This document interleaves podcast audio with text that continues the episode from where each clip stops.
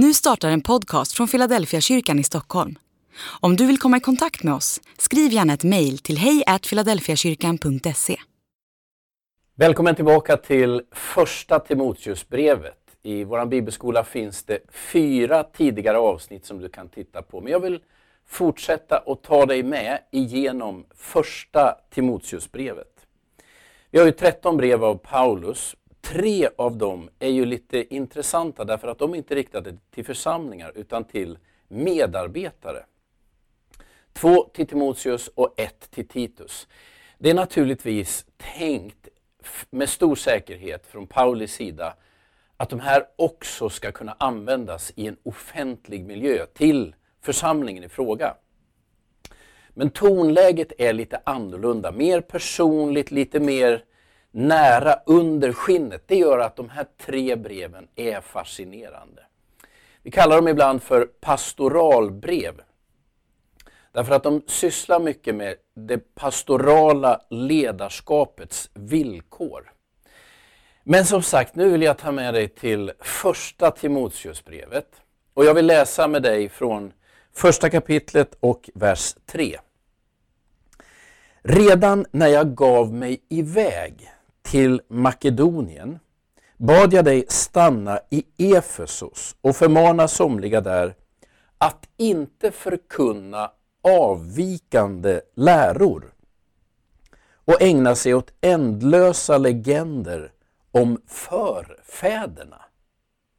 Sånt för bara till diskussioner och tjänar inte Guds plan som verkar genom tro.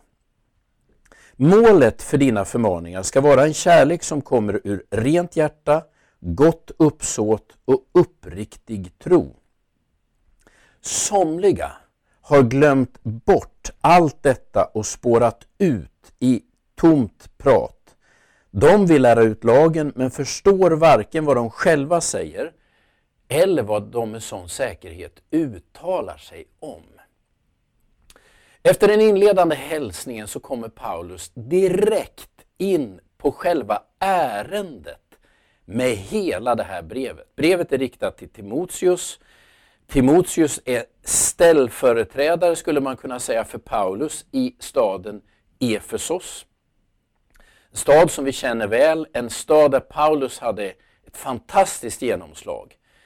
Men det vi förstår när vi läser Timoteusbrevet är att det har på ganska kort tid uppstått stora bekymmer i den här församlingen. Och, och, ibland kan jag säga att jag som pastor faktiskt kan tycka att det är lite trösterikt att det är så. Ibland tänker vi att de första apostlarna, Paulus, Petrus, alla de andra, det gick lätt för dem. Gud gjorde tecken och under och ordet bara svepte som en våg över de platser där de förkunnade. Men det här brevet visar en helt annan sida. Paulus har rest till Makedonien. I, I, mina tidigare bibelstudier så talade jag om hur och när man skulle kunna få in det här brevet i Apostlagärningarnas berättelse. Men förmodligen så har det blossat upp konflikter och det man då försöker göra, åtminstone jag när jag ger mig in i ett sånt här, ett sånt här bibelord, det är att förstå vad är det för läror som dyker upp i Efesos? De här motståndarna som somliga har.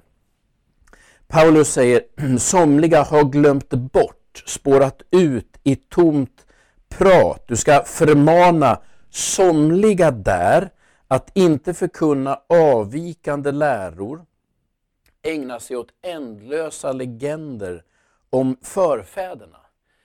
I de här första verserna direkt efter hälsningen så finns det några ledtrådar till vad det är som har hänt i Efesos och vilka motståndare det är Timoteus har att möta. Det är avvikande läror.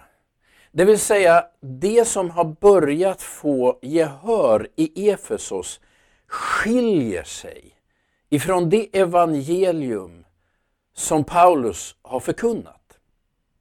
Och på vilket sätt är det det skiljer sig? Jo, det är ändlösa legender om förfäderna.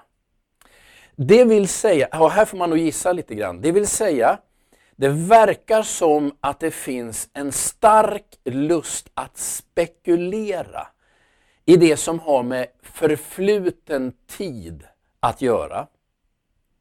När vi kommer lite längre ner så talar han ju om de som nu har spårat ut i tomt prat och vill lära ut lagen.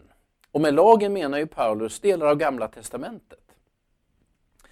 Så när man hör det här så verkar det som att det är ändlösa legender om förfäderna, det är tomt prat och det är att lära ut lagen.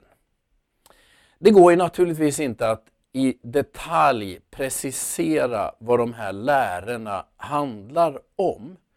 Men lite längre fram i brevet i kapitel 2 så kan man ana när Paulus talar om kvinnorna att det verkar ha funnits någon sorts tolkning av de gammaltestamentliga skapelseberättelserna. Så här säger han i kapitel 2, vers 11 och framåt. Kvinnan ska ta emot undervisning i stillhet och alltid underordna sig. Att själv undervisa tillåter jag henne inte och inte heller att bestämma över mannen, utan hon ska hålla sig tyst och stilla. Ty Adam skapades först och sen Eva. Och det var inte Adam som lockades utan kvinnan som lät sig lockas och förleddes till överträdelse.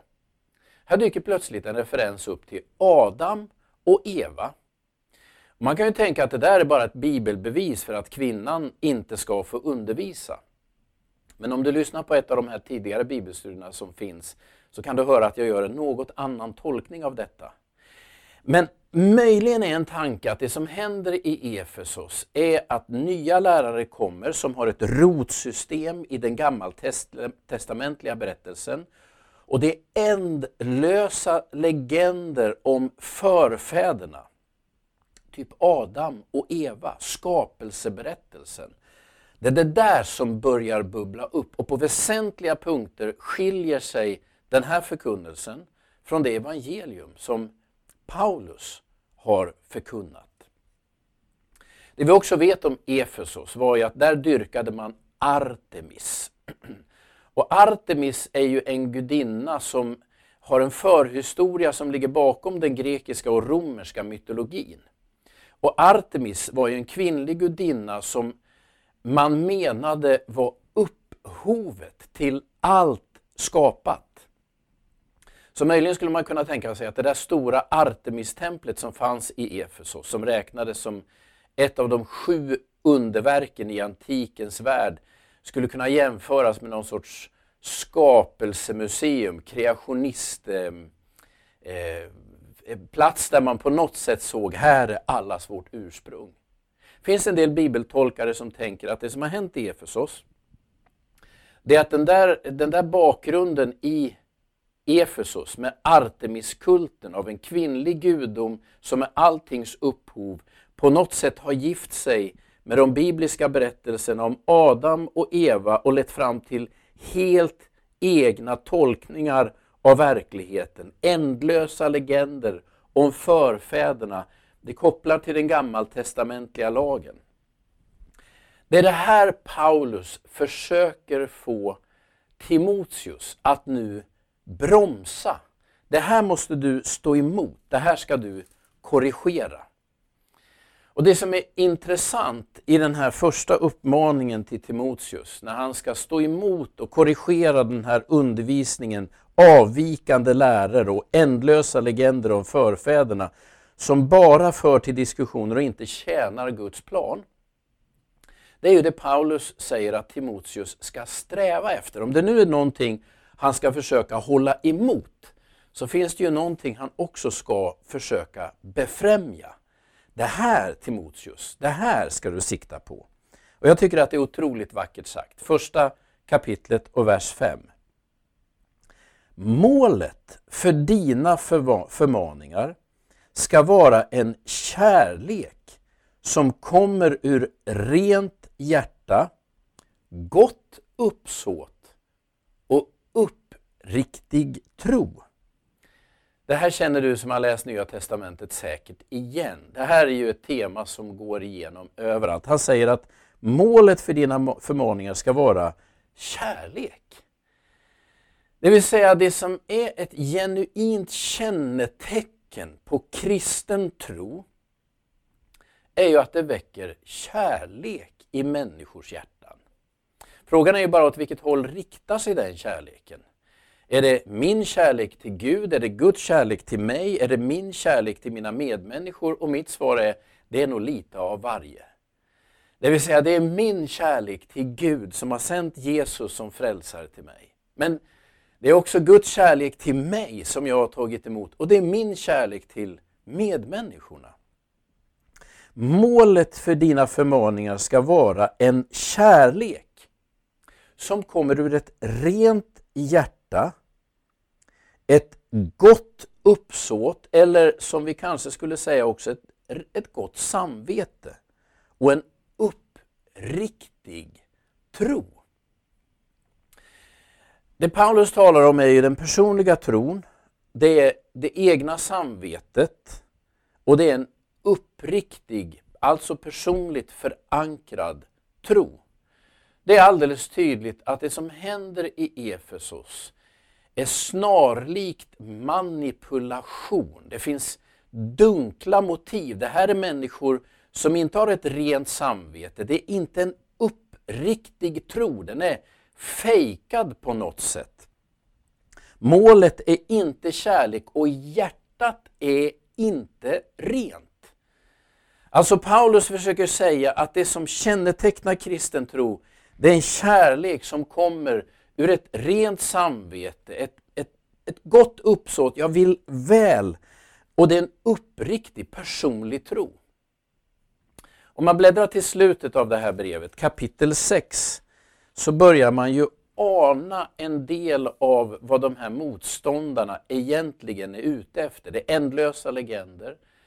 Eh, det är eh, diskussioner i all oändlighet och de vill på något sätt förankra detta i de gammaltestamentliga lag, lagen och berättelserna. Och det är förfäderna det handlar om, men vad är man egentligen ute efter? Låt mig läsa från kapitel 6 och vers 3. Så ska du undervisa och förmana. Den som lär annorlunda och inte håller sig till vår Herre Jesu Kristi sunda ord och till det som vår religion lär. Han är förblindad och okunnig med en sjuklig lust att diskutera och träta. Sånt leder till avund, strider, förtal, misstänkliggöranden och ständiga bråk bland människor som har mist förståndet, tappat bort sanningen och som anser att religionen ska löna sig. Och visst ger religionen god lön om man nöjer sig med det nödvändiga. För tomhänta kom vi in i världen och tomhänta ska vi gå ur den. Har vi mat och kläder ska vi vara nöjda. De som vill bli rika låter sig snärjas av frestelser och faller offer för alla de dåraktiga, dåraktiga och skadliga begär som störtar människorna i fördärv och undergång. Kärleken till pengar är roten till allt ont. Genom den har många förts bort från tron och vållat sig själva mycket lidanden.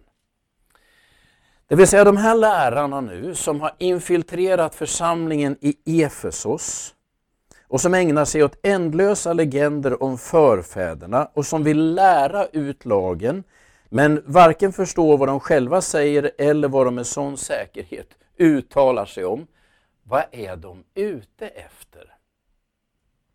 Kapitel 6 ger en fingervisning i alla fall. De vill tjäna pengar. Jag vet inte om du tänker, du som lyssnar på det här och som har det, hela ditt, din liksom, ditt rotsystem i Sverige, om det där är så tydligt. Går man till USA eller till vissa andra delar av världen, då är den här kopplingen mycket mer uppenbar. Att religion faktiskt kan vara bra business. Och backar du tillbaka till den tid då Paulus förkunnar evangelium och då evangeliet sprids över romarriket, då var det stor business också. Folk älskade i antiken var ju att lyssna till nya undervisningar, till läror. Alltså det var, det var den stora grejen. Att vara filosof eller visdomslärare gjorde att du väldigt snabbt kunde ta bra betalt för dina framföranden. Det de flesta av oss gör idag det är att vi prenumererar på Netflix eller Viaplay eller någon annan sån här streamingtjänst och så tittar vi på berättelser. Men när den möjligheten inte fanns, vad gjorde man då? Då lyssnade man till människor som hade retoriska färdigheter, som kunde fängsla genom sina berättelser och som på något sätt kunde sätta igång en massa tankeprocesser. Alltså vi har möjligen tappat en del av detta mänskliga berättande. Det var starkt i antiken. Det var också en självklar del av samhället att den som var visdomslärare tog betalt. Det är ju till och med så när man läser första Korintierbrevet att Paulus, som ju gång på gång säger jag vill inte ha betalt, han blev faktiskt ifrågasatt. Hela kapitel 9 i första Korintierbrevet handlar ju om den här, den här principen Paulus sa att inte ta betalt. Därför att det var så, det var så djupt förankrat i liksom den allmänna förståelsen att den som är visdomslärare, den som vägleder andra, den som är filosof, han ska ta betalt. Och tar du inte betalt, då är det något lurt med dig. Men det här bryter det för Paulus. Han säger att de här som nu har nästlat sig in, som förkunnar ett annat evangelium, ändlösa legender om förfäderna, som inte har ett gott uppsåt eller ett rent samvete och inte har en uppriktig tro och vars förkunnelse inte leder till kärlek. Vad är de ute efter? Stålar. De vill ha pengar. De vill bli rika och här finns ju kanske ett av de mest välkända bibelorden. Kärleken till pengar är roten till allt ont. Genom den har många förts bort från tron och vållat sig själva mycket lidanden. Jag kan naturligtvis inte med säkerhet definiera vilka motståndare Timoteus står inför i Efesos. Men jag uppfattar att hela första Timoteusbrevet är skrivet utifrån en mycket allvarlig situation där den här församlingen är hotad i grunden av en ny lära.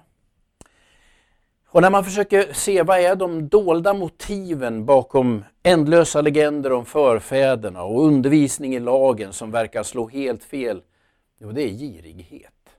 Kärlek till pengar som leder människor bort och som gör att det inte blir en kärlek som kommer ur ett uppriktigt hjärta och ur en, ur en grundläggande personlig tro. Så tolkar jag de inledande orden i första Timoteus. Hoppas du vill fortsätta och följa med när vi vandrar vidare i första Timoteusbrevet.